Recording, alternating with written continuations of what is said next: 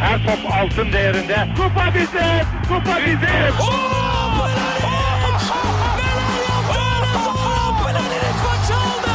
Dengeli de attı. İsabeti de buldu. Matta Fontervi. Zora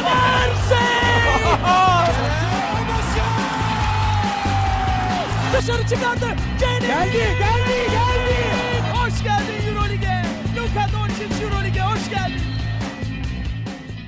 İkili Oyun'un 109. bölümüne hoş geldiniz. Ben Serkan Mutlu. Mikrofonun diğer ucunda basketbolun yaşayan efsaneleri Ali Aktin ve Tancan Fümen var. Selamlar beyler. Selamlar. Selamlar. Nasılsınız efsaneler? Yaşıyoruz bu hayatı be. Ama bir efsane gibi yaşıyoruz. Biz. tabii tabii. Mesela hastayım ben. Çok efsane geçiyor bugünler. Geçmiş olsun. Öyle. sağ ol, sağ ol. Tam mevsimi ya. Nem de çok fena. Ee, çok çok fena. Çok bilmem hep şeyler azdı hep. Kirişler mirişler. Evet. Ne diyeyim. Çok ağlamayın. Burası eksi 5 derece. ya evet ya. Berlin şu an fenadır. Ama şey alışıyor. Girince alışıyorsun. Sokağa çıkınca bir oluyor Evet. değil mi? Alışıyorsun. NBA konuşacağız. Bayağı bir gündem var. Ee, ya gündem var dediğim hemen e, hevesinizi kursağınızda bırakayım. Dwight Howard konuşmayacağız. Aa. Aa. Ya birincisi bize ne? evet abi ya. Cinsel tercihler artık başkalarının sorunları olmamalı yani. Ancan tercih değil yönelim. Şimdi şeyle Yönelim pardon. meşalelerle kapımıza gelinmesin lütfen. Olumlu bir şey söylemeye çalışırken yandım. Onu da beceremeyip. Onu da beceremedim. Cinsel yönelim başkalarının tartışacağı bir şey değildir. Ha şimdi oldu. Yani hayır orada bir şey tartışacak olsak herifin ne bileyim tehdit etmesi falan filan vardı. Gerçekten bize ne ve doğruluğu da kesin değil. O yüzden o, o topa hiç girmeyelim dedim yani. Orası bayağı karışık. Aynen girmeyelim. Ve fakat gene de bayağı bir gündemimiz var konuşacağımız. Konuşmaya başlamadan önce bize görüş, yorum, öneri, soru gibi şeylerin iletilebileceği kanallarımızı hatırlatayım. Web site adresimiz ikilioyun.com, mail adresimiz selam@ikilioyun.com. Twitter, SoundCloud ve Spotify'da ikili oyun takip edebilirsiniz. Telegram grubumuza bekleriz. t.me slash ikili oyun adresinde yayınlarımızın Geek Yapar'ın muazzam YouTube kanalından da takip edilebildiğini hatırlatayım. Ve son olarak Tancan Füme'nin dünya borsalarının ve kripto paranın nabzını tuttuğu Twitch kanalı twitch.tv slash tancan adresinde girin ve abone olun. Doğru değil mi abi? Bu, evet abi. Bu aralar tutuyoruz kripto parayı. Evet. Bu ara zaten sen de tutmasan batacak. Bitcoin en son kaç bin falan mı oldu ne oldu? Ya, Üç buçuğa düşmüştü de bir dördü geçti tekrar. Oralar bir hareketlendi. Evet. Duyduğuma göre herkes 3000'in alım altı şeymiş mining sınırıymış. Ya 3000'in altına Evet. düşerse zarar ediyorlarmış falan. Aslı astarı var mı? Çin'de vallahi şeyler başlamış. Büyük e, mining firmaları ya da işte yapanlar kiloyla satmaya başlamış elindeki makineleri. Ya böyle, Böyle bir işte. sıkıntı var yani oralarda. Daha fazlası için Tancan'ı takip edin. Dımdızlak kalmayın. Yatırım tavsiyeleri, an be an döviz yorumları, dolar ne olur, kaçtan alalım. Dolar alın. Ee, peki bir dinleyici sorusuyla başlayalım isterseniz konuşmaya. Ka- tanıdık bir isim Kayra Kocagil'in sorusu var. Kayra demiş ki Vol'un ikincil top yönlendirici olduğu bir düzen ana top yönlendirici olduğu bir düzene göre daha etkili olmaz mı? Pozisyon kavramı eskiye nazaran kalmamış olsa da shooting guard olsa sanki daha faydalı olur. Hiç olmasa bence Yok süper abi. faydalı olur. ya şu, ikinci top yönlendirici değil de gerçekten skorer olarak sahada yer alsa ve topa yön vermekle hiç uğraşmasa bak bir fayda yaratılabilir. Ama onu o yola sokup kanalize edecek koç konusu biraz Westbrook'a benziyor burada. Hani öyle bir koç var mı? Ya da o koç öyle bir koç varsa da Wall'la uğraşır mı? Esas sorular bunlar. Onu çözersek evet yani sadece skorer olduğu bir yapıda bence fayda sağlanabilir. Ama top yönlendirmesi mümkünse. Ona, o, o topa hiç girmeyelim. Bence ben- şey gibi abi şu an o takımdaki hava öyle bir seviyede ki, ki hani böyle sevgilinden ayrılırsın tekrar barışmayı düşünürsün barışırsın ama yürümez ya. Evet o, Ee, olmaz o iş. Tam olarak öyle bir şey olur yani eğer onu Washington'da deneseler bence. Washington'da ne yaptılarsa yapsınlar şu an hiç dikiş tutturamazlar gibime geliyor ya. Ya Wall özelinde de ben hani Wall'un elinden topu al, alınca e, yani bu oyunun bazı bölümlerinde ya da strateji olarak denenebilir ama e, tamamen ikinci e, yönlendiriciye dönüşmesi bilmiyorum ben çok e, etkili olacağını düşünmüyorum. Yani daha iyi olacağını düşünmüyorum ben. Bu arada Wizards son 3 maç 2 galibiyet ama konuşmayacağız herhalde. Ya, gerek gerek yok yok. abi ya. Dağılacaklar ne Te- olacak? teşekkürler çok konuştuk. Yarın ortada Washington bile kalmayabilir yani biz kaydı bitirdik. Ya bu arada ben tabii bu gör, öngörü şey için yaptım. Washington'da kalırsa diye değil. Yani başka bir takıma giderse. ha öyle de olmaz diyorsun sen. Aynen hani başka takıma giderse ve orada hani top yönlendirme işi belki biraz daha uzun pozisyonundaysa atıyorum Denver diyelim. Yani yok hiç gibi bir adam var. Wall öyle bir yere gitti. Wall orada skorer olarak işte topsuz oyun oynayan, drive eden, kat eden adam olarak yer alırsa evet belki 30 plus bile atar. Ama orada top yönlendirmekle uğraşmak zorunda kalmaz. Çünkü ben Wall'un da biraz şey gibi olduğunu düşünüyorum. Lillard gibi yani top yönlendirme ana görevi olduğunda esas işlerinden çok uzaklaşıyor ve beyinlerini o kadar iyi bölebilen oyuncular değil bana göre. O yüzden hani ne Washington'da tutar o iş ne de hani başka bir takıma giderse de takımın yapısında ona uygun olması lazım. Yani sadece Wall'un değişmesi de yetmez. Evet, bir de bir, bir miktar paradan feragat etmesi lazım herhalde. E, muhtemelen evet. Bayat ediyorlarmış değil mi? Al abi 150 milyon. O zaman ilk konumuza geçelim. Philadelphia konuşmazsak olmuyor biliyorsunuz. Çünkü neden? Orada Fultz var. E bir de Butler var. Konuşacak şeyler oluyor. E, ya bir sürü haber çıkıyor Fultz'la alakalı. İşte bir Cavaliers söylentisi çıktı. Kapısını çalmış diye. Yani son çıkan haber şu. Bir tane birinci tur draft hakkına veriyoruz diyorlarmış pazarda Fultz'u. Gel vatandaş almayan ağlıyor. Bin pişman. Şeklinde. yani. Valla bir draft hakkına yani alt sıralar olursa belki düşünür ama yukarıdan birine değmez ben. Yani 15'in üstüne belki. Ya çünkü ya bu da şunu gösteriyor belki de hani geçen hafta da konuşuyorduk. Fultz'un takımının arka planında ba- başka mutsuzlukları da var demek ki. Philadelphia'nın da bu konuda mutsuzlukları var. Artık yolları ayırmayı düşünüyorlar herhalde ciddi ciddi. Bir draft hakkı da yani alt sıralar olursa denenebilir. Yani tanking yapan bir takım değil de biraz hani onunla uğraşabilecek bir koçun olduğu bir takım yine belki. Bence Olabilir. Fultz araba tamircisiyle konuşana kadar hiçbir antrenmana çıkmasın. Genel olarak böyle farklı mesleklerden insanlarla konuşana kadar antrenmanlara çıkmıyor. Avukattan sonra da böyle borsacıya falan gidiyormuş. yani. Ya ben de şu andaki haline hiç e, böyle üst sıralardan bir draft hakkı verecek bir takımın çıkacağını zannetmiyorum ya. Yani onun psikolojik e, tarafını fiziksel artık ne var bilmiyoruz çünkü Philadelphia e, kendi açıklama yapıp "Yo, gayet sağlıklı artık oynasa oynar gibi bir şey dedikten sonra iyice bir muamma var orada. E, o yüzden ya bir de adamın gerçekten hani bu aralar kenarda oturuyor ya kamera bazen gösteriyor falan böyle boş boş bakıyor. Bir garip bir tripler de anlamadım ben o adamı. Abi 10 sene İstanbul'da yaşayıp Yozgat Üniversite okumuş gibi bir hali var. Yani. Ve Yozgatlılar kapımızda meşalelerle birlikte. Sağ ol Tancan. Sağ ol abi. Neyse artık kısmet. Size bir anı anlatayım mı bu arada? Anlat abi senin Yozgat'la mı ilgili? Yozgat'a yakın bir yerle alakalı. Bir gün otobüsteydim. Yani neden bilmiyorum bir kavga çıktı. Otobüs şoförü ayağa kalkıp arkaya doğru ya kardeşim sen Çorumlu musun diye bağırdı tamam mı? Ama böyle otobüs buz kesti yani. Bir tane Çorumlu çıkacak ve herifi sonsuza dek bıçaklayarak öldürecek diye. Allah'tan hiç çıkmadı yani gerçekten. ne, ne kötü bir tabirmiş onu. Çorumlu musun? Evet ya adam o kadar sinirlenmiş ki ya kardeşim sen dedi sonra böyle düşünüp Çorumlu musun dedi yani ne yaşamışsın neyse. Ha, Ee, Çorumlu çıksa böyle lirik bir cümle kurup karşılık da verebilirdi yani. Bu Böyle kafiyeli. Neyse Fultz'tan Çorum'a nasıl geldik aslında mantıklı şey yok. Ve Puls e, Uşak Uşak Spor değil mi? Uşak Spor. alakası.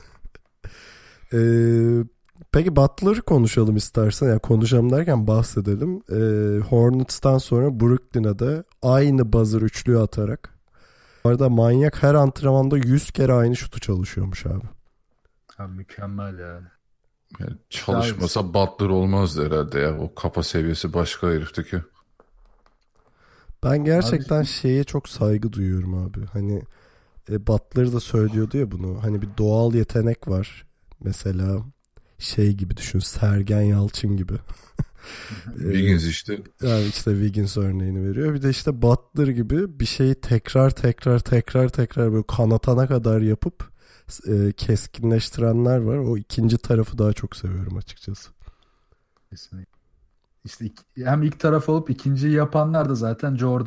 işte LeBron oldu. Ya LeBron olur da. Jordan olamaz. Hemen bir tartışma var. o güzel şeyler. Haterlık dönemimiz geldi. LeBron haterıyız. biz. Abi bu arada kaç, ya? kaç yıl oldu? Pardon. Gerçekten bu arada yapmayı ya yapmış olmaktan en çok hicap duyduğum bölümlerden biri LeBron mı Michael Jordan mı bölümü herhalde. Değil mi o bölüm ya? Yani, O bölümü yaptık sonra replay'ini basmıştık. Onda bile bayağı tartışma olmuştu yani. Evet. Ya bu arada orada e, dile getirdiğim görüşlerin arkasındayım hala. Ya o konuda hiç pişman değilim. Ama yani bu tartışmanın hala bu debide devam ediyor olduğunu gördükten sonra olan biz de onlardan biri miyiz acaba diye düşünüyorum. yani. Yok abi biz o programda konuşup bitirdik. Bir daha hiç konuşmadık. En evet evet ben bir daha hiç o topa girmedim mesela kimseyle. Gerek yok ya. Ama Michael Butler- Jordan diye girdim. Butler 23 ya oradan bağladık hemen. evet. Ya ben o maçı izliyordum bu arada Brooklyn maçını. Ee, dördüncü çeyrekte bir mola oldu. Bir diğer maçlara bir döndüm hani öyle bir gezineyim bakayım diye.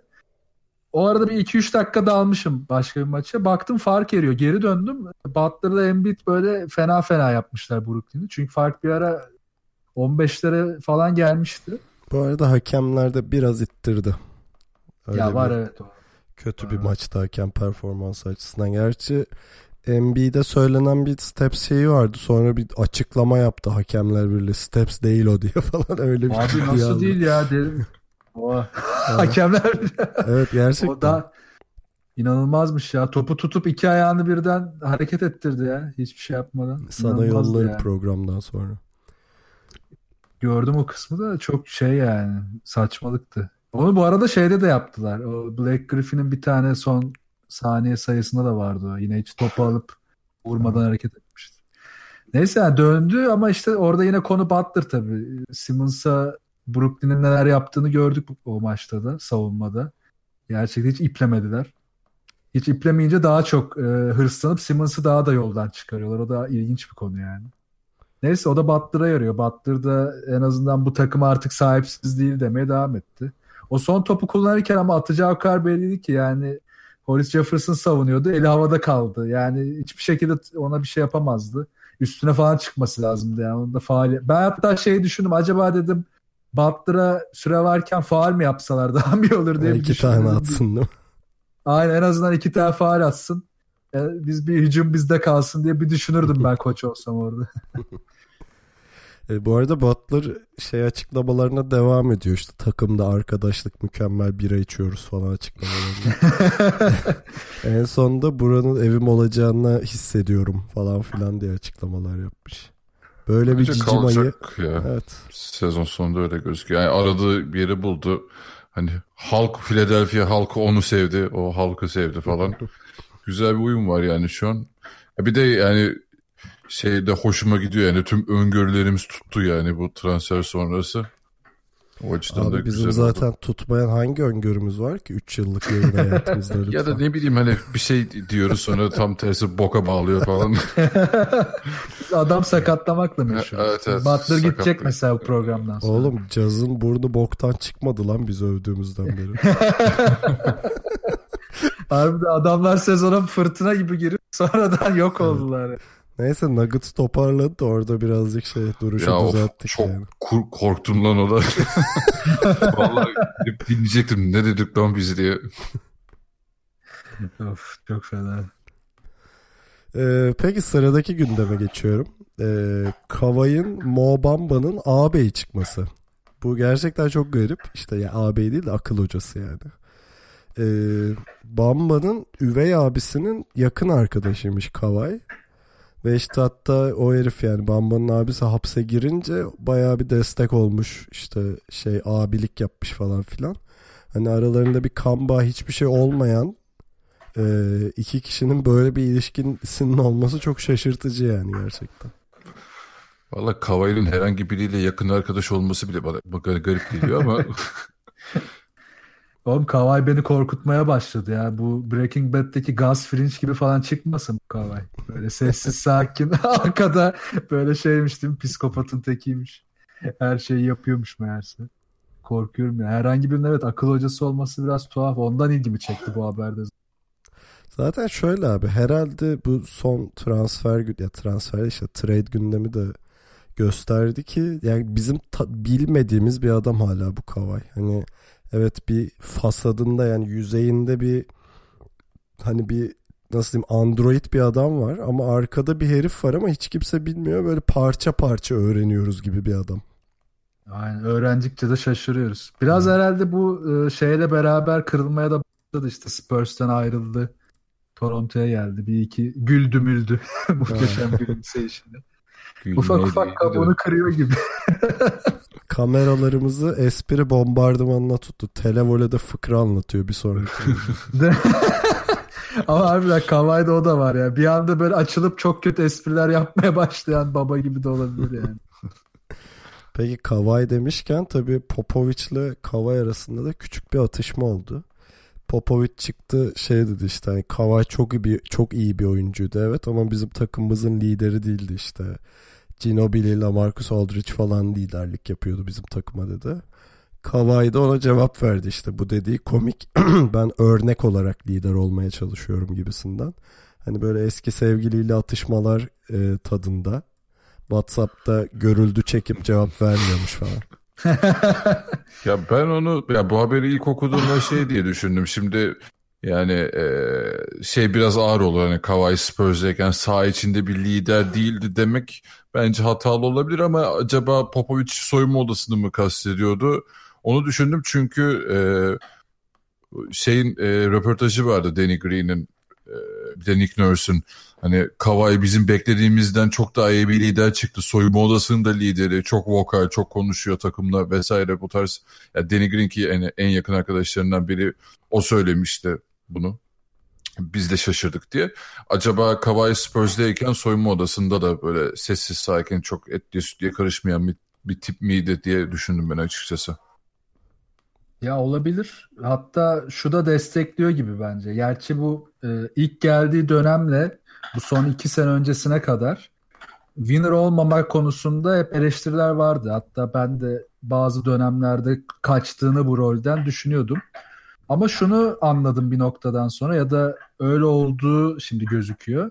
Lamarcus konusunda Popovic değişti ya. Yani belli ki Popovic her gelen oyuncuyu özellikleri ne olursa olsun San Antonio'nun o e, yıllardır oluşan kültürüne ve oyun şekline, sistemine adapte etmek istiyor.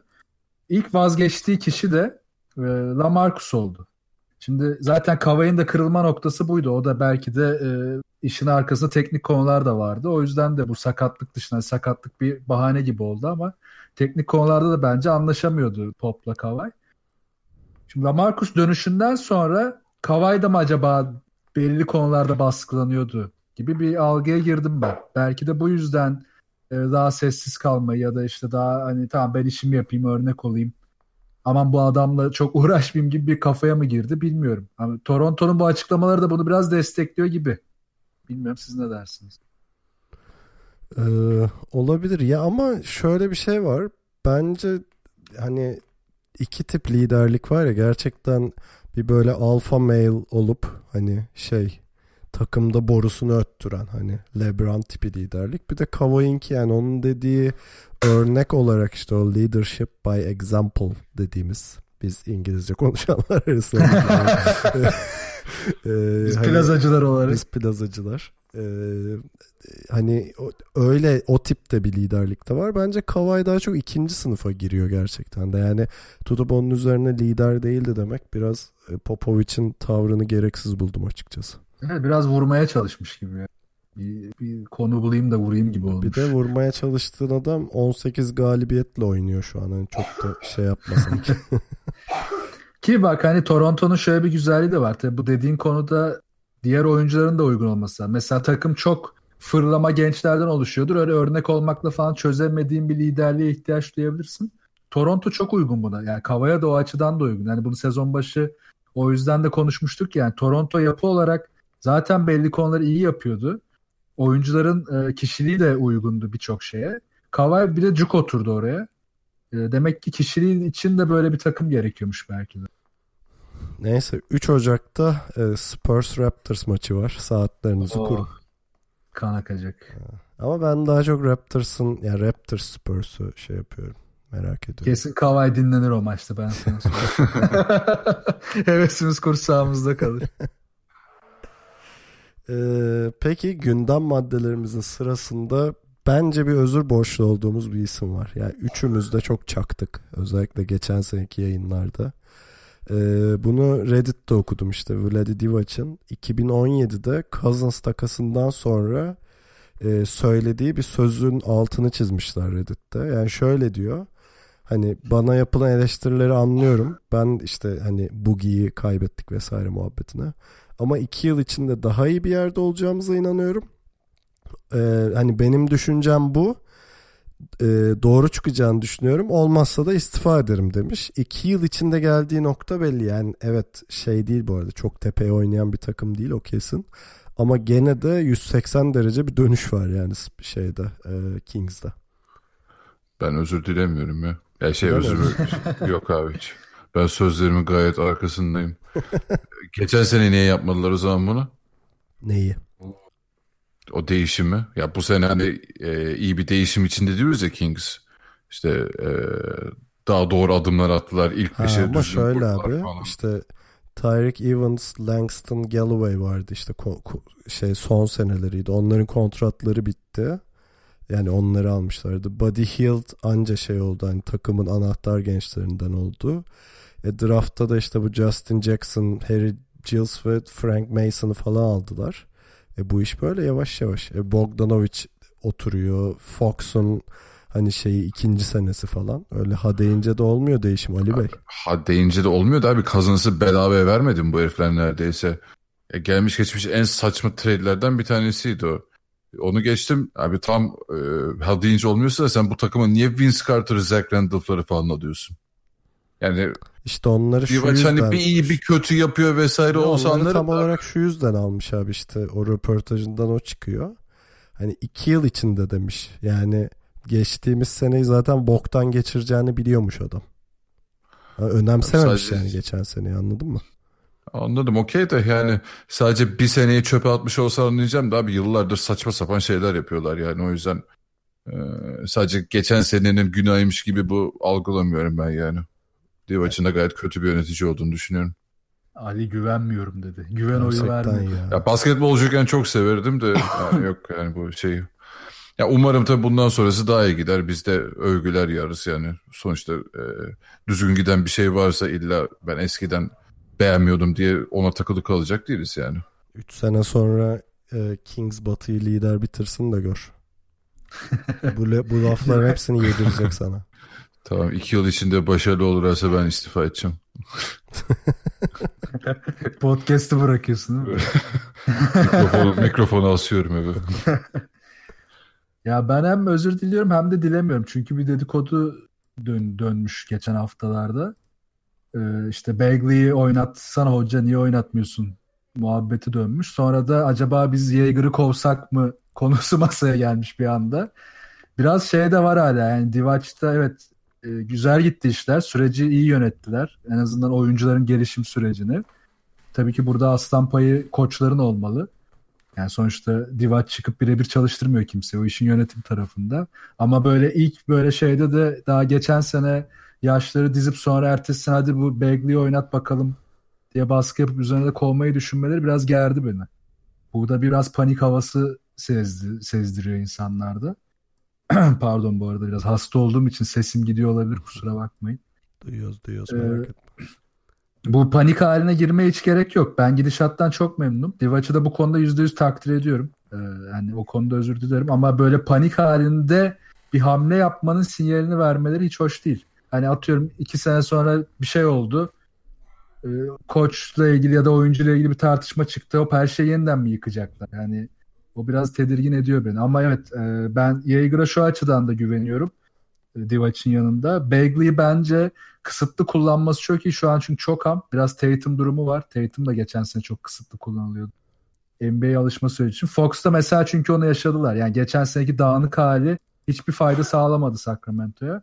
Bu sene tam tersine daha e, sakin, daha sabırlı, daha oyunu okuyarak oynamayı öğrendi. Şimdi faydalı oluyor. Bagley de muhtemelen öyle olacak. Giles da öyle olacak. O yüzden hani o panik havasını umarım takıma yansıtmazlar. Abi bir de kaybettiğin takımlar Warriors, Houston Rockets falan ya. Ne hedef maçı mıydı lan bunlar sanki şey hemen böyle koçumu değiştirsek havalarına giriyorlar yani. İlginç tabii evet. Ya dedikodu tabii bu. Ben hani çok şey muhtemelen bir ateş vardır duman çıktığına göre. Bir şeyler konuşulmuş demek ki. Peki sıradaki gündeme geçeyim o zaman. Ali'yi ikna edemedik abi. Olmadı yani. Evet. Ali olmadı. Daha erken şu an için erken abi 20 maçta tavlayamazsınız beni. Tamam. 30. maçta tekrar konuşuruz. Ulan dün Charlotte övüyordunuz ya neyse. Susuyorum. Charlotte. Oğlum Charlotte hala övüyoruz. Ne var? Mis gibi takım. Bak Bucks'a da çaktılar yani. Bucks'ı bir de iki kere yendiler yani. Ters geliyorlar. Ters ki. Abi deplasman soğuk. Biraz rakım farkı var. Ee, sıradaki konumuz Bulls ama Bulls'un hani teknik olarak konuşmayacağız da Paul Zipser üzerinden konuşacağız. Ee, biliyorsunuz o e, çok ciddi bir sakatlık geçirip bu sene şey e, takımsız kaldı yani. Almanya'da tedavi oluyor. Ee, ya hikaye şu işte Bulls doktorları buna kendisine ümidi kestiklerini söylüyorlar. Bu ayak düzelmez seni vuracağız diyorlar falan. ee, herif de şey diyor yani işte dünyanın en iyi ligi herhalde doktorlar da mükemmeldir diye düşünüyordum ama değillermiş diyor. Sonra Almanya'ya dönüp bir MRI çektiriyor ve işte sol ayağındaki sakatlığın galiba yorgunluk kaynaklı kırık mı ne öyle bir şey yani. Stres kırı. ya, Stres kırı. Ee, öyle bir şey oldu ortaya çıkıyor. Yani bayağı Bulls doktorları görememiş yani herifin sakatlığını. E tabi bunun üzerinden de şu çıkıyor yani Bulls'ta bu kadar sakatlık yaşayan oyuncu oldu. Ee, burada staff'ın suçu mu var gibisinden belki de haklı olabilecek bir e, tartışma başlamış. Ya hem öyle hem de etik kısmı da var. Ben biraz da o yüzden bu haberi almak istedim. Ee, Chicago ve Zipser özelinde hani başlayalım. Sonra şu da var. Hani şimdi Chicago bunu bir amaç için mi yapıyor? Bilerek mi yapılıyor? Yoksa gerçekten salak mı bu doktorlar? Çünkü sakatlığı olan bir oyuncuya yatırım yapmama fikri herkesin kafasından geçer. Şimdi bir yandan da bunu böyle yapıyorlarsa hiç etik değil zaten. Çok kötü. Çünkü stres kırığı öyle çok kolay kolay gözden kaçabilecek bir şey değil. Yani futbolda bile zırt pırt duyduğumuz, baskette yoğun duyduğumuz bir sakatlık. Yani öyle çok gözden kaçacak çok acayip bir şey değil. O yüzden hani biraz benim midemi bulandırdı. Acaba takım bu tip şeyler dönüyor mudur diye bir kıllandım açıkçası. O yüzden de almak istedim. Ya bu tarz şeylerde genelde tabii madalyonun iki yüzü oluyor. Ee, yani oyuncularla bu medical staff'ın hani karşı karşıya geldiği durumlar o işte Kawhi'de oldu mesela. İşte Fultz'ta yine benzer bir olay yaşanıyor. Yani takım iyi diyor. Oyuncunun kendisi iyi değilim oynamayacağım falan diyor. Ee, Burada da belki o tarz bir şey olabilir diye biliyorum. Çünkü hani bu haberlerin hiçbir zaman iki tarafını birden yüzde yüz öğrenemiyoruz. Genelde oyuncunun yaptığı açıklamalar üzerinden e, ilerliyor. Ama eğer böyle bir ihmal varsa büyük skandal bu tabii. Yani tamam ya sen iyisin bir şeyin yok deyip yollamak çünkü yani tedaviyi de geciktiriyorsun. Belki erken müdahale edilirse hem daha hızlı düzelebilecek bir şeyin çok daha hani kalıcı bir e, hasara yol açmasını sağlıyorsun. Ee, yani dediğim gibi varsa Ben- bayağı büyük ben skandal. bunu şununla birleştirdim abi. Zach Levin e, sakatlığı sırasında tedavisinin Minnesota'da olmuş. Minnesota'daki bir klinikte olmuş yani. Ee, Direkt akıllıca hareket etmiş. e, bununla birleştirdiğimde gerçekten e, Bulls staffında bir dandiklik olabileceği gerçeğini düşünmeye başladım açıkçası. Ya zaten onu hissettiyse Lavin ya da etrafındakiler direkt ama yine de çok kötü abi bu. Ee, kabul edilebilir bir şey değil. Hatta şöyle bir ayrım varsa o daha da kötü. Sır e, evet yani standart bir oyuncu. Hani yıldız oyun çünkü Lavin de kontrat sezonu yaklaşıyor olsaydı ve bu sakatlık olsaydı bu staff şey mi diyecekti? Sen sakatsın hacı biz sana şey yapmayız hani falan deyip başından mı salacaktı? O da kötü mesela. Zaten şöyle düşünmek lazım abi. Bunlar milyar dolarlık organizasyonlar. Hani piyasa değerleri bu. Hani yapmaları gereken en büyük yatırımlardan biri bence burası. Yani bir oyuncunun hem fiziksel hem ruhsal sağlığı. Bu psikoloji konusunu geçtiğimiz haftalarda konuşmuştuk bayağı. Yani bunu biraz şey gibi yaklaşmak lazım. Formula 1'deki pit stop ekibinin bir saniye daha hızlı hareket ettiğinde yarış kazandırması gerçeği var ya. Ee, Evet. biraz bunun gibi bakmak lazım bu olaya yani. Kesinlikle öyle ya. Sonuçta bu İhmal adamlar aset hani hem sportif başarıdan oluyorsun. İkincisi de elindeki asetin değerini kullanamıyorsun. Yani parasa maddi olarak da sorun yaratıyor sana yani. Abi bir de takımın geri kalan psikolojisini de etkiler bu. Ya biri sakatlandığında ve daha önce elinde böyle bir örnek varsa sen nasıl güveneceksin? Tabii canım hiçbir şekilde. Herkes gerilir. E Mesela işte Philadelphia'nın çaylağı kimdi bu sezonda da alerji çıkmış. Çok kötü Ha evet acayip bir alerjisi var. Adını unuttum. Ee, ama çok Şey de- ciddiymiş alerjisi yani. Şey de tuhaf mesela. O tip ciddi alerjilerin o yaşa kadar çıkmaması zordur genelde.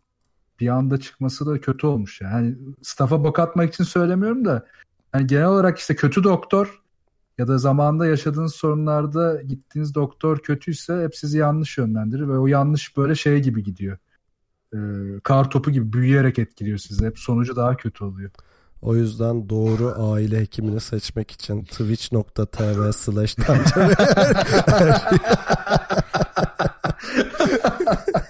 Reçete okunur doktor önerilir böyle. TC çok neydi o?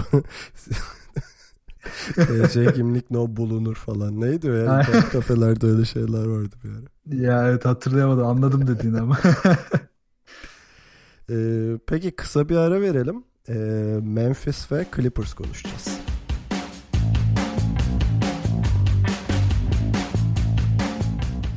Evet bu hafta e, konuşmak istediğimiz iki takım var. Memphis ve Clippers. Ee, Memphis'i geçen hafta bir tabi abi yok abi de birazcık konuşmuştuk ama biraz da e, nasıl diyeyim e, masaya yatırmak istiyoruz. Ne biçim terim oldu o da. Ee, Memphis dosyasını açıyoruz. Ee, bir de çok yakın bir tarihte yani 23 Kasım'mış şimdi baktım. Aralarında bir maç oynadılar. Ee, yani herhalde son haftaların en zevkli maçıydı. Bana böyle bir 90'lar NBA tadında bir zevk veren bir maç oldu açıkçası. Ee, işte uzatmaya gitti. Ee, Şey Conley alt faal yapıp şey oyun dışı kaldı. Clippers ondan sonra acayip hani fark attı vesaire gibi böyle hikayesi olan bir maçtı ama isterseniz Memphis'ten konuşmaya başlayalım. Ee, hani geçtiğimiz haftada konuşmuştuk hani bazı istatistiklerden bahsetmiştim. Ee, hafızanızı tazeleyeyim. NBA'in en az şut kullanan 3. takımı, en az 3 sayılık kullanan 4. takımı, en az sayı atan 4. takımı. Offensive rating 23.sü ama defensive rating 6.sı. Ve rakiplerine en çok top kaybı yaptıran ikinci takım. Yani çok düşük bir pace'te oynuyorlar ama çok sert bir savunmaları var. Hani böyle modern oyunun antitezi gibi, anti takım gibi bir hüviyetteler yani. Ya şeyden gireyim ben. Ee, top kaybı yaptıran dedin yani çok top kaybı yaptıran. Kaçıncı takımda? ikinci miydi? İki. Şeyde de ikinciler. Ee, top kaybından en çok sayı üreten ikinci takım. Mesela bazı savunma takımlarında şey sorunu görülür. Yani top kaybı yaptırır ama e, o enerjiyi güce çeviremez. Yani sayı üretemez, gider e, geçiş hücumunu oynayamaz vesaire. Memphis bunu çok iyi yapıyor. Bunun da nedeni aslında işte bu yavaş oynamaları biraz. Geçen seneye bakınca Fizdale kovulduğunda tabii çok e, şaşırmış ve biraz kızmıştık. Açıkçası ben kendi adıma kızmıştım. Ama şimdi şunu da görebiliyorum. E, bu takımı bu savunmayı yaptırıp daha tempolu oynatmaya çalışıyordu Fizdale. Muhtemelen e, Gasol'e çok çatıştıkları nokta bu oluyor. Gasol kesinlikle hızlı falan oynamak istemiyor. Çok belli oluyor. Bu takımda en rahat eden oyuncu Gasol'muş. Hücumda da çok rahat, savunmada da çok rahat e, ve verimliliği de artıyor böyle olunca. Kanlı çok sağlıklı olunca ikisi de uyumu yakalamışlar. Ama işin savunma tarafını işte bu kadar iyi yapabilmeniz de hücumu belli seviyelerde tutmanızı gerektiriyor size. Çünkü hücumdaki üretim kaynakları çok sınırlı. E, hızlı oynamaya çalışınca işte çok sayıyorsun. Ama işte ne bileyim sete oturdun hızlı oynamaya çalışıyorsun. Top kaybı sayın yine artabiliyor. Bunları çok iyi dengeliyorlar. Hani bunun da mesela bir diğer e, sağlaması da asist turnover ortalaması. Orada da 7. sıradalar NBA'de. Yani çok iyi durumdalar. Bu tip takımların genelde görünen sonuçlarından biri budur. Bir de e, iyi savunma yapıp rakibe yüzdesiz şut attırabilirsiniz. İyi savunma yapıp rakibe az şut denetebilirsiniz. E, Memphis rakibe az şut deneten tarafta. Çok az attırıyor. Ligin e, şu an galiba yani üçüncüsü falan olması lazım. En, en fazla e, şut deneme, en az şut deneme vermedi. Öyle. Hı-hı. Aynen. Ya yani çok iyiler o konuda.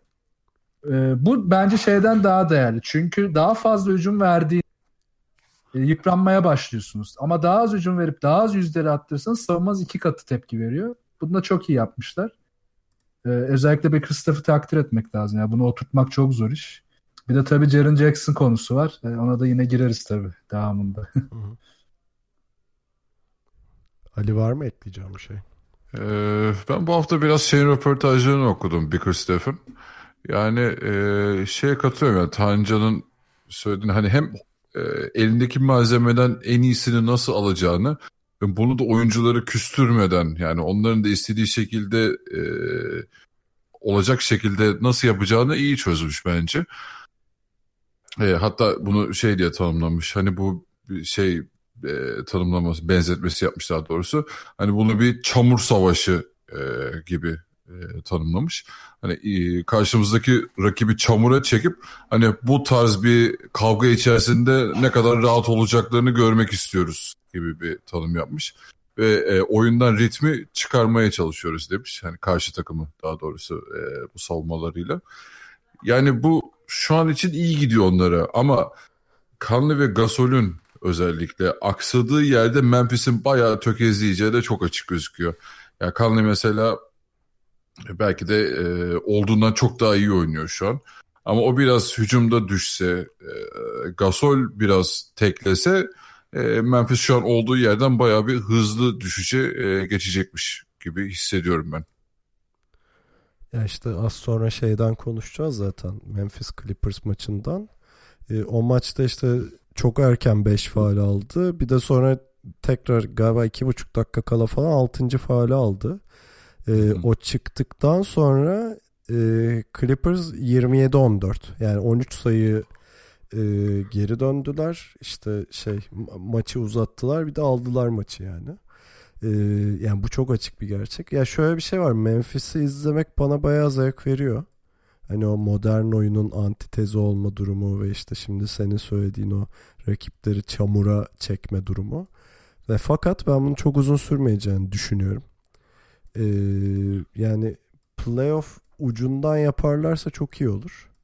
Hani geçen hafta yapacaklar gibi konuştuk. Hala onun arkasındayım ama hani böyle üçüncülükler, dördüncülükler falan imkansız diye düşünüyorum. Çünkü bütün takımlar tamam ne olur sen onu nereye çekmeye çalışırsan çalış onlar vitesi arttırmaya uğraşacak. Hani o du- şey yoldaki kamyonu o kadar da kolay durduramayacak Memphis. Bir de onun üzerine dediğimiz işte o Conley, Gasol dışındaki hücum alternatiflerinin e, azlığı ya da kabızlığı söz konusu bir de. Hiçbir şey yok orada. Yani dış şutta çok kötüler. Bir de Conley dışında zaten yaratıcılık bekleyebileceğin kimse yok takımda. O yüzden hani oyunlardan herhangi biri işlemediğinde evet topu Conley alıp hemen yaratabiliyor. Zaten e, drive edebilen de doğru düzgün drive edebilen tek o var. Ama olmadığı anda işte takım tökezlemeye başlıyor. Mesela Çok orada şeyle Carl Anderson falan da büyük zaaf yaratıyor hücumda. Ee, hani tamam savunması iyi pasör yanı da var ama yani şutu yok. E, olmayınca tabii Memphis e, hücumlarını daha şey tahmin edilebilir kılıyor karşı savunma için. E, yani Toronto mesela dün gece biraz oradan vurmuş. Yani dediğin konularda o tahmin edilebilir konusunda direnip ki maçın sonuna kadar bu arada Toronto maçı özelinde Memphis önde götürdü. Son bölümle ve maçın belli birkaç kısmında şeyi çözdü Toronto. Aslında ona da değinecektim. İşte Mark Gasol mesela boyalı alanda çok iyi bir savunmacı. Ama Mark Gasol'ün karşısına Ibaka gibi birini verip yukarıya çektiğiniz zaman da bir o kadar tembel bir savunmacı. Yani üçlüğün biraz altına indiğinde ya da üçlük civarında kesinlikle kötü savunma yapıyor. Toronto bunu bir çözdü. Zaten Ibaka üst üste böyle 6 ya da 8 sayı buldu. Oradan sonra toparlayamadılar. Sonra da zaten Toronto'nun da savunması iyi olduğu için e, hücum alternatiflerinin hepsini kapamış oldu. Zaten az alternatif var. Dediğin konuda yani Toronto gibi bir rakip, Golden State gibi bir rakip geldiğinde zaten e, Memphis gibi takımlar iş çok zor. Çünkü yüzde yüzleriyle oynuyorlar. Sallanmaları çok kolay yani. Hı. E, Clippers'a geçelim isterseniz buradan. Yani Memphis Clippers maçını zaten bu, bu Clippers'ı da konuştuktan sonra konuşuruz. E, Clippers'ta da biraz ters bir durum var. Onlarınki de şöyle. Onlar offensive rating 6.sı, defensive rating 12.si. Yani biliyorsunuz bu ikisinde ilk onda olmak demek hani bir elit takıma yakın bir şey olmak demek. Ve zaten şu an Batı'nın e, zirvesindeler ve field goal'u en yüksek takım Pace'te de ilk ondalar. Hani hızlı oynamayı seviyorlar. Ee, işte şey dış atış konusunda iyiler. Bir de bence Raptors'la beraber NBA'nin derin kadrolarından birine sahipler. Yani bakıyorsun abi oradan iki takım çıkar yani. Ee, Tobias Harris, Gallinari, Avery Bradley, Lou Williams, Patrick Beverly, Montrezl Harrell, ne bileyim Gorta, Mbamute, Marjanovic say say bitmiyor yani. Evet böyle süper yıldız diyeceğim bir şeyleri yok. Adamları yok belki ama çok fazla yıldız isim var. Ya da yıldıza yakın isim var. Ee, ve şu anda oldukları yeri hak eden bir takım olduğunu düşünüyorum Clippers'ın. Ben de derine katıyorum. Yani bu takımın gerçekten böyle bir süperstarı, yıldızı vesairesi yok ama yani mesela sezon başı itibariyle Tobias Harris gerçekten yıldız gibi oynuyor. Yani e, bir shooting chartlarına falan baktım Tobias Harris'in. Yani sahanın her yerinden e, şu an lig ortalamasının üzerinde gözüküyor. E, ki bu da gerçekten yani onların şu an yani bir numaralı adamlarından biri yapıyor onun için. Onun haricinde mesela Montrezl bu sene çok inanılmaz bir patlaması var. Şey katılır mısınız bilmiyorum hani modern Rodman falan deniyor ee, öyle bir yakıştırma yapılmış onun için. Rebound o... mücadelesi içindir abi. Tabii tabii.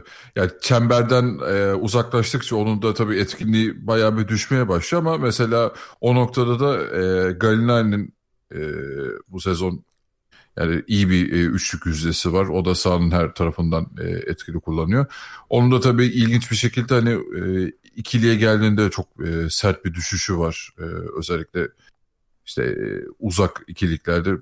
Ama yani şey genel olarak ben benim için e, bu sezonun en tatlı sürprizlerinden biri ya. Ben hani e, biraz da takdir de ediyorum açıkçası.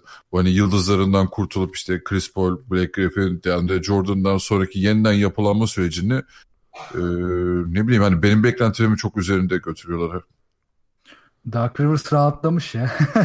Her sene biri gidince birileri rahatlıyordu. Dark Rivers'ın da kafası rahat etmiş.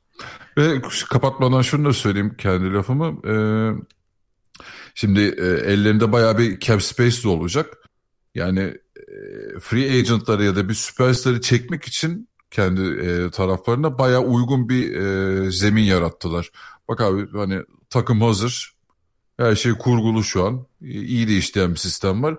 Hani bir de düşün bunun üzerine bir e, süperstar gelirse neler yaratabiliriz. O yüzden e, albenisi yüksek bir takım yarattı Doug Rivers şu an. Biraz da onu evet, istiyorlar. Bahsetmek zaten. istediğim bir konuya yaklaştık. Tancan da söylesin sonra geleceğim o konuya. Yok söyle söyle sen fark et.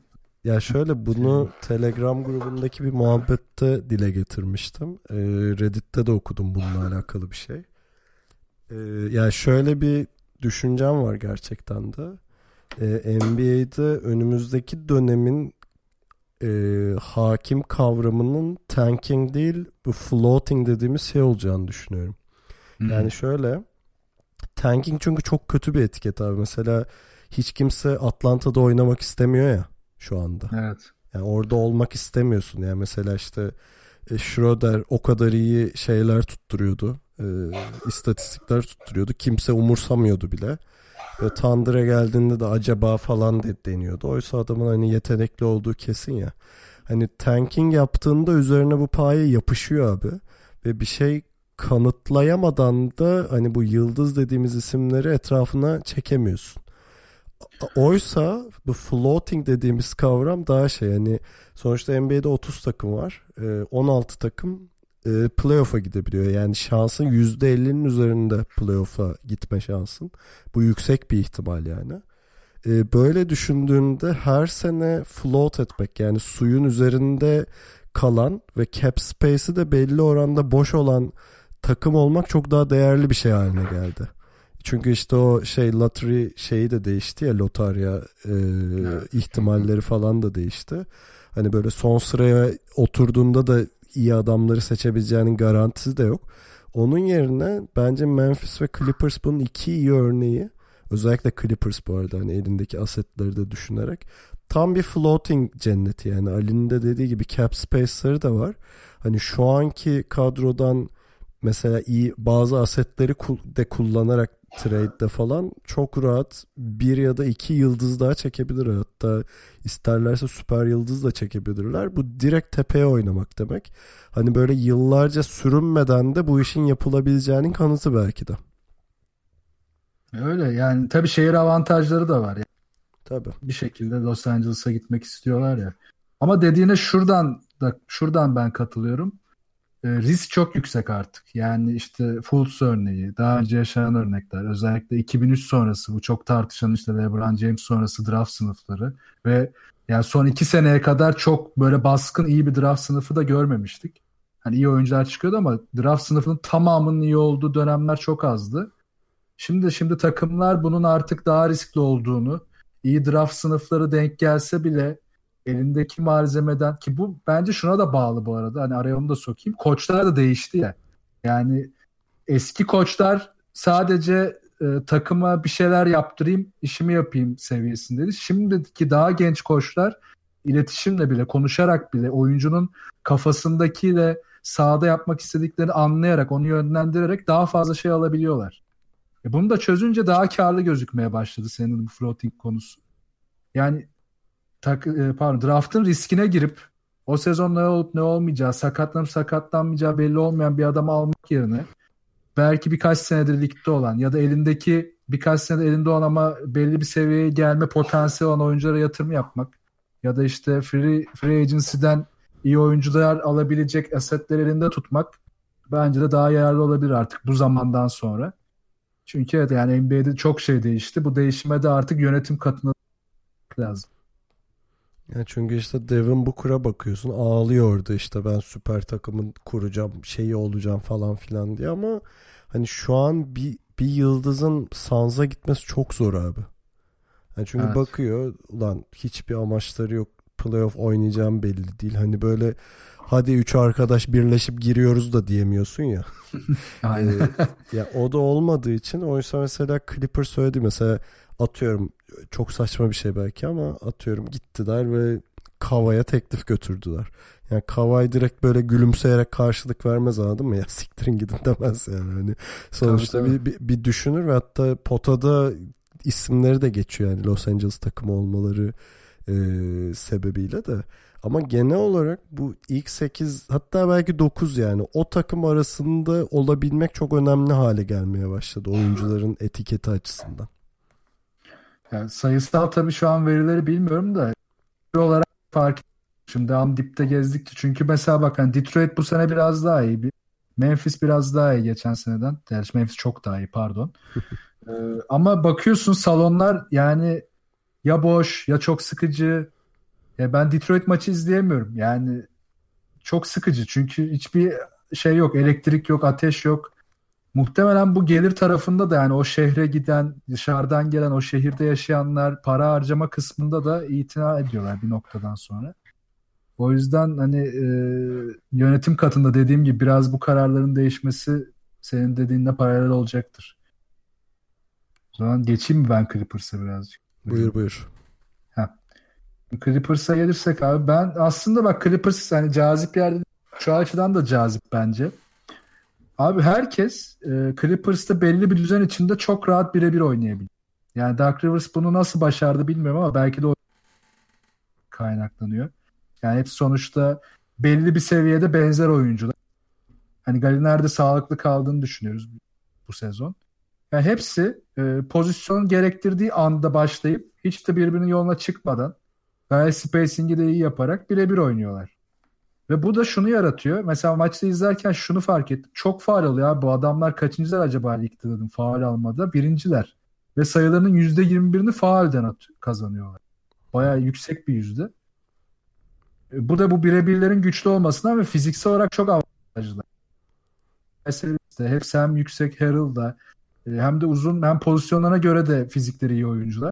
E, kısa pozisyonda da Gilgis Alexander bu farkı yaratıyor. Çok atlet. Orada o da devamlı faal alabilen bir oyuncu. Yani ilginç bir yapı kurmuşlar. Tabi burada da yıkılma ihtimali yine bence yüksek olan bir takım imajı da çiziyorlar. Çünkü bu birebirler e, belli bir noktada çalışmayabilir. Mesela Memphis maçında da yani son çeyreğe kadar çok zorlandı Clippers. İki tarafta böyle gitti geldi. Memphis bir ara öne çıktı. Sonra Clippers öne çıktı ama tabii Conley çıkınca işleri rahatladı.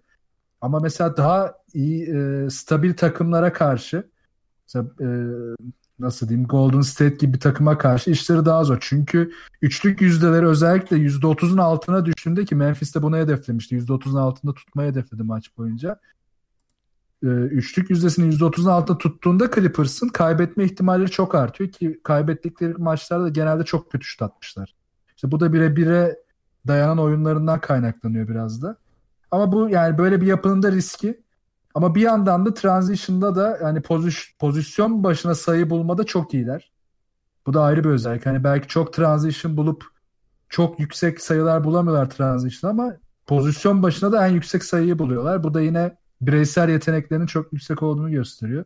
Clippers da bence hani bu e, özet çerçevesinde izlenmesi zevkli takımlardan biri oldu bu sene. Ben hiç beklemiyordum bu kadar e, izlerken eğleneceğim Clippers'ı. Yani Dark Rivers'a da çok gömdük zamanda. Ona da e, ufak bir özür şey yapayım buradan yollayayım. Bu arada Golden State'i yendiler hatırlarsan. Ee, Evet. Hatta uzatmaya giden maçta. O maçta bir de 121-116 bitmiş. Şimdi baktım sayıları 60'ı bench'ten gelmişti. e, bench'te de birinciler zaten. Evet yani ne kadar bench'lerin güçlü olduğunun bir diğer kanıtı. Ya tabii işte bunlar o da ya şunu da gösteriyor. Yani Golden State'e playoff seviyesine geldiğinde işte aynı katkıyı al. Yani bunlar biraz daha zor oluyor ya beşinden belli bir katkıyı almak zorundasın. Onu alamazsan sana her zaman Lou Williams ya da Harold kurtarır. Ama bunu da çözerlerse ve Gilgis Alexander daha hızlı bir ivmeyle yükselirse tabii işler bir anda değişebilir. Ee, bu arada e, şimdi Clippers bir deplasman turuna da çıkacak Phoenix maçından sonra. Yani fikstürleri de hiç fena değil yani. Şu an tabii e, bir noktada hani e, Clippers'ın düşüşe geçeceğini daha doğrusu diğer takımların artık bir ritme gireceğini biliyoruz. Ama daha bir süre daha o hani şeyde üst sıralara tutunmayı da sürdürebilirler. Hani işte ne bileyim Phoenix, Dallas, Sacramento, e, Pelicans tekrar Memphis'te oynayacaklar. Sonra tekrar bir işte Phoenix maçları falan var. Ee, yani fikstür onların yanında gibi şu an için. Ya tabii biraz öyle. O da avantaj ya. Tabii o avantajı kullanabilirsen her zaman iyi. Ya ama Clippers'ın tabii bak mesela Sacramento ve Dallas maçları bence ilginç olacak. Çünkü mesela Clippers maçında da biraz görmüştük. İşte e, pardon Memphis maçında. Memphis hani top low posta çok fazla topsuz oyun oynamayı seviyor. Bunları savunurken yer yer zorlandılar. Şimdi mesela Dallas'ta da işte Doncic etkisiyle biraz da işte e, DeAndre Jordan tepeye çekip onun üzerinden bile pas yaptığı topsuz oyunları deniyor e, Rick Carlisle. Yani orada da biraz çözüm üretirken zorlanabilirler mi görmek güzel olacak. Ama bir yandan da işte Gallinari ve Tobias Harris de bu takımlara e, hem dışarıda hem içeride. Mesela Gallinari ile Conley, pardon Mark Gasol'ü savundular. Çok iyi bir tercihti bence. Hem Gasol'ü dışarı çektiler e, e, hem de Gasol'ün dış savunmasının zayıflığını kullandılar. İkisinde de çok büyük fayda sağladılar. Bunu diğer takımlara da yapabilirler. Hani Dallas'a biraz zor ama belki Sacramento'da falan deneyebilirler. Özellikle de Bagley oyundayken. Baya güzel e, maçları izleyebiliriz orada. Hem de Clippers'ın hani bu zaaflarını o takımlara karşı nasıl savunacağını da görebiliriz. Peki e, Clippers ve Memphis böyleydi. Yavaş yavaş kapatacağız ama kapatmadan önce tabii ki de klasikleşen e, tabii abi yok abi bölümümüz var. E, bu sefer kim başlamak ister? Hep ben başlamayayım. Ali başlasın bu hafta. Hayır sen başla. Ben başlayayım. Hadi o zaman Evet. başlıyorum. Niye acaba? Emre ya. herkes herkes birbirine atıyor değil mi? Çok zormuş ilk soru. Ha Boston. Boston diye söylemek. Ha, Ha. çakala bak ya. Ha. Ne alakası var ya? Emre Yağcı yazmış bize. Indiana sezonu Boston üzerinde bitirir. Hadi bakalım. Ali başlamak ister misin tatlım? Ya bu kadar çek takımına güvenmiyorsan bir şey diyemeyiz yani. Yani hmm, olabilir abi. Öyle bir şey yok. Öyle bir seçeneğimiz yok Tabii Ali Bey. abi lütfen. olabilir abi. Köşemize Lütfen hoş ikiye geldin. basıp devam edin. Ee, yok abi diyorum.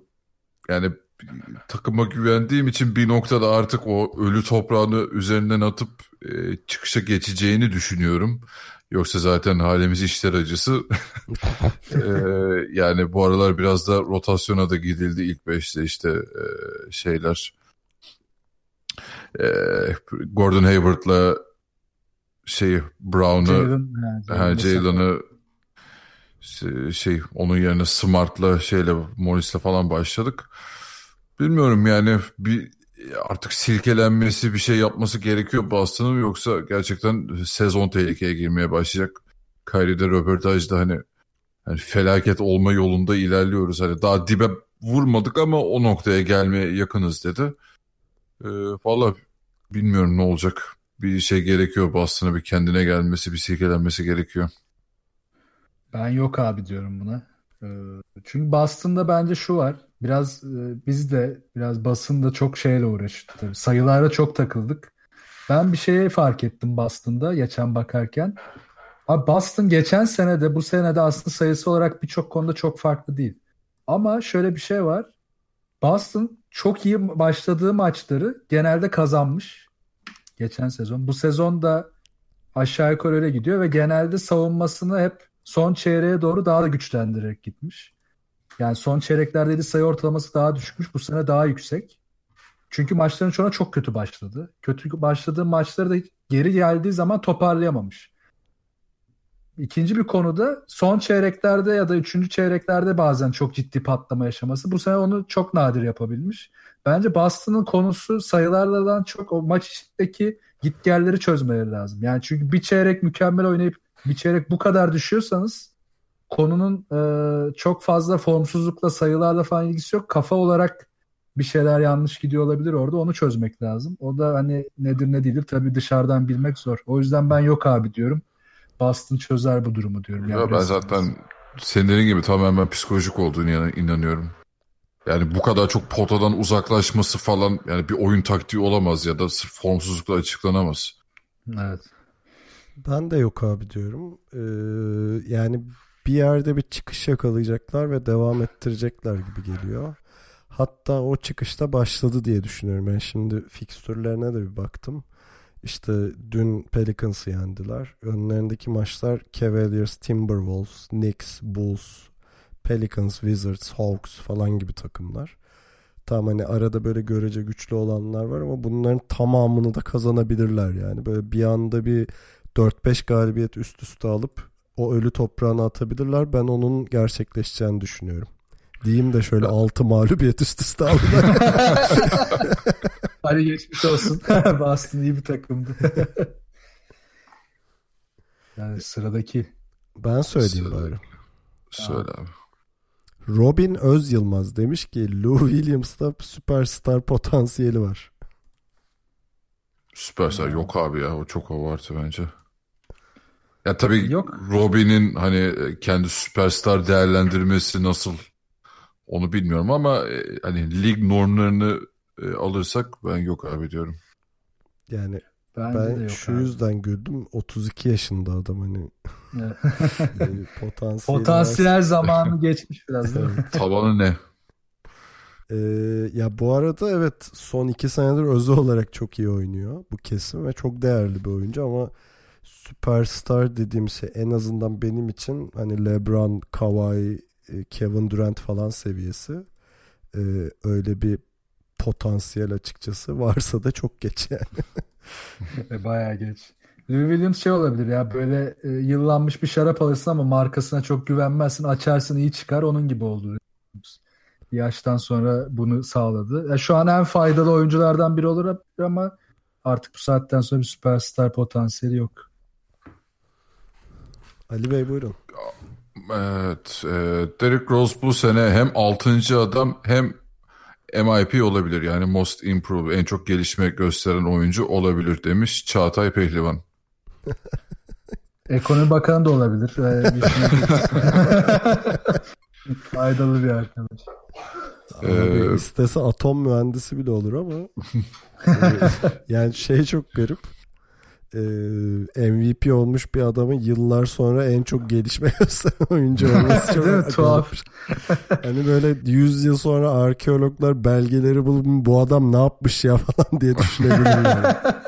Niye böyle olmuş ya diye. Yani orada zaten şöyle bir karışıklık var ya dediğiniz gibi zaten prime'ını yaşamış bir adamın tekrar e, gelişme gösteren kategorisine gelmesi saçma olur bence. Yani öyle bir değerlendirme olacağını zannetmiyorum. E, yani bunların olarak üzerine olabilir. üzerine bence bir şey koymuş olsaydı o değerlendirmeyi alabilirdik. Ama yani bir kariyer düşüşü yaşadıktan sonra ben o kategoride çok değerlendirmem açıkçası onu. Hani zaten yaptığı şeylerin üzerine farklı farklı şeyler eklemiş olsa bence e, o, bunu konuşabilirdik ama hani zaten e, belli bir seviyede oynamış işte dediğim gibi MVP kazanmış. Şimdi bunların üzerine farklı bir şey koymuyor bence Derrick Rose. Yani tekrar o seviyeleri e, yani kendi formu yakalamış olması, işte o kötü dönemi atlatmış olması tabii ki de değerli. E, e, onlara bir şey demiyorum ama hani improved player kategorisine sokuyor mu? Bence sokmaz. bir altıncı adam adayı ama e, alabileceğini düşünmüyorum ama evet bir aday olarak sayabiliriz bence. Aday olarak tabii abi alabilir mi yok abi diyorum. Tancan sende. Heh, ben dedim pardon. Bartu Armutlu sormuş bize. Kings Darren Fox'ta üzerine takım kurulacak oyuncuyu buldu. Ne diyorsunuz? Tabii abi diyorum. Ben de tabii abi diyorum.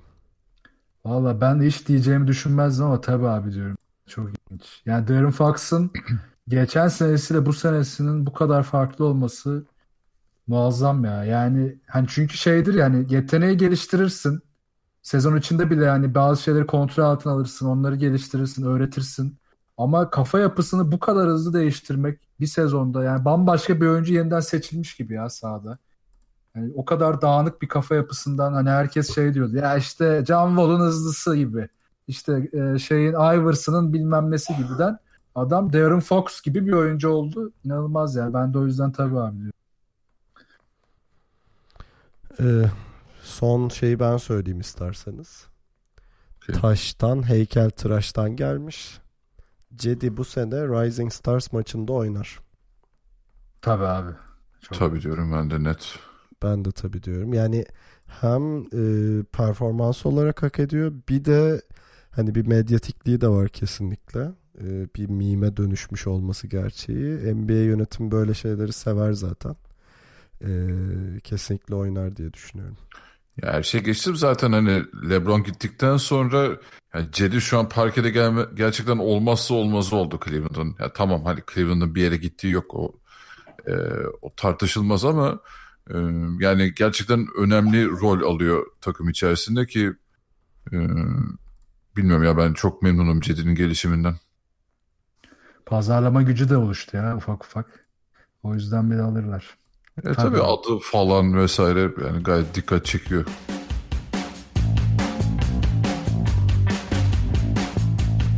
İkili oyunu dinlediğiniz için çok teşekkür ederiz. Gördüğünüz gibi Dwight Howard olayını konuşmadan bir programı daha bitirmeyi başardık.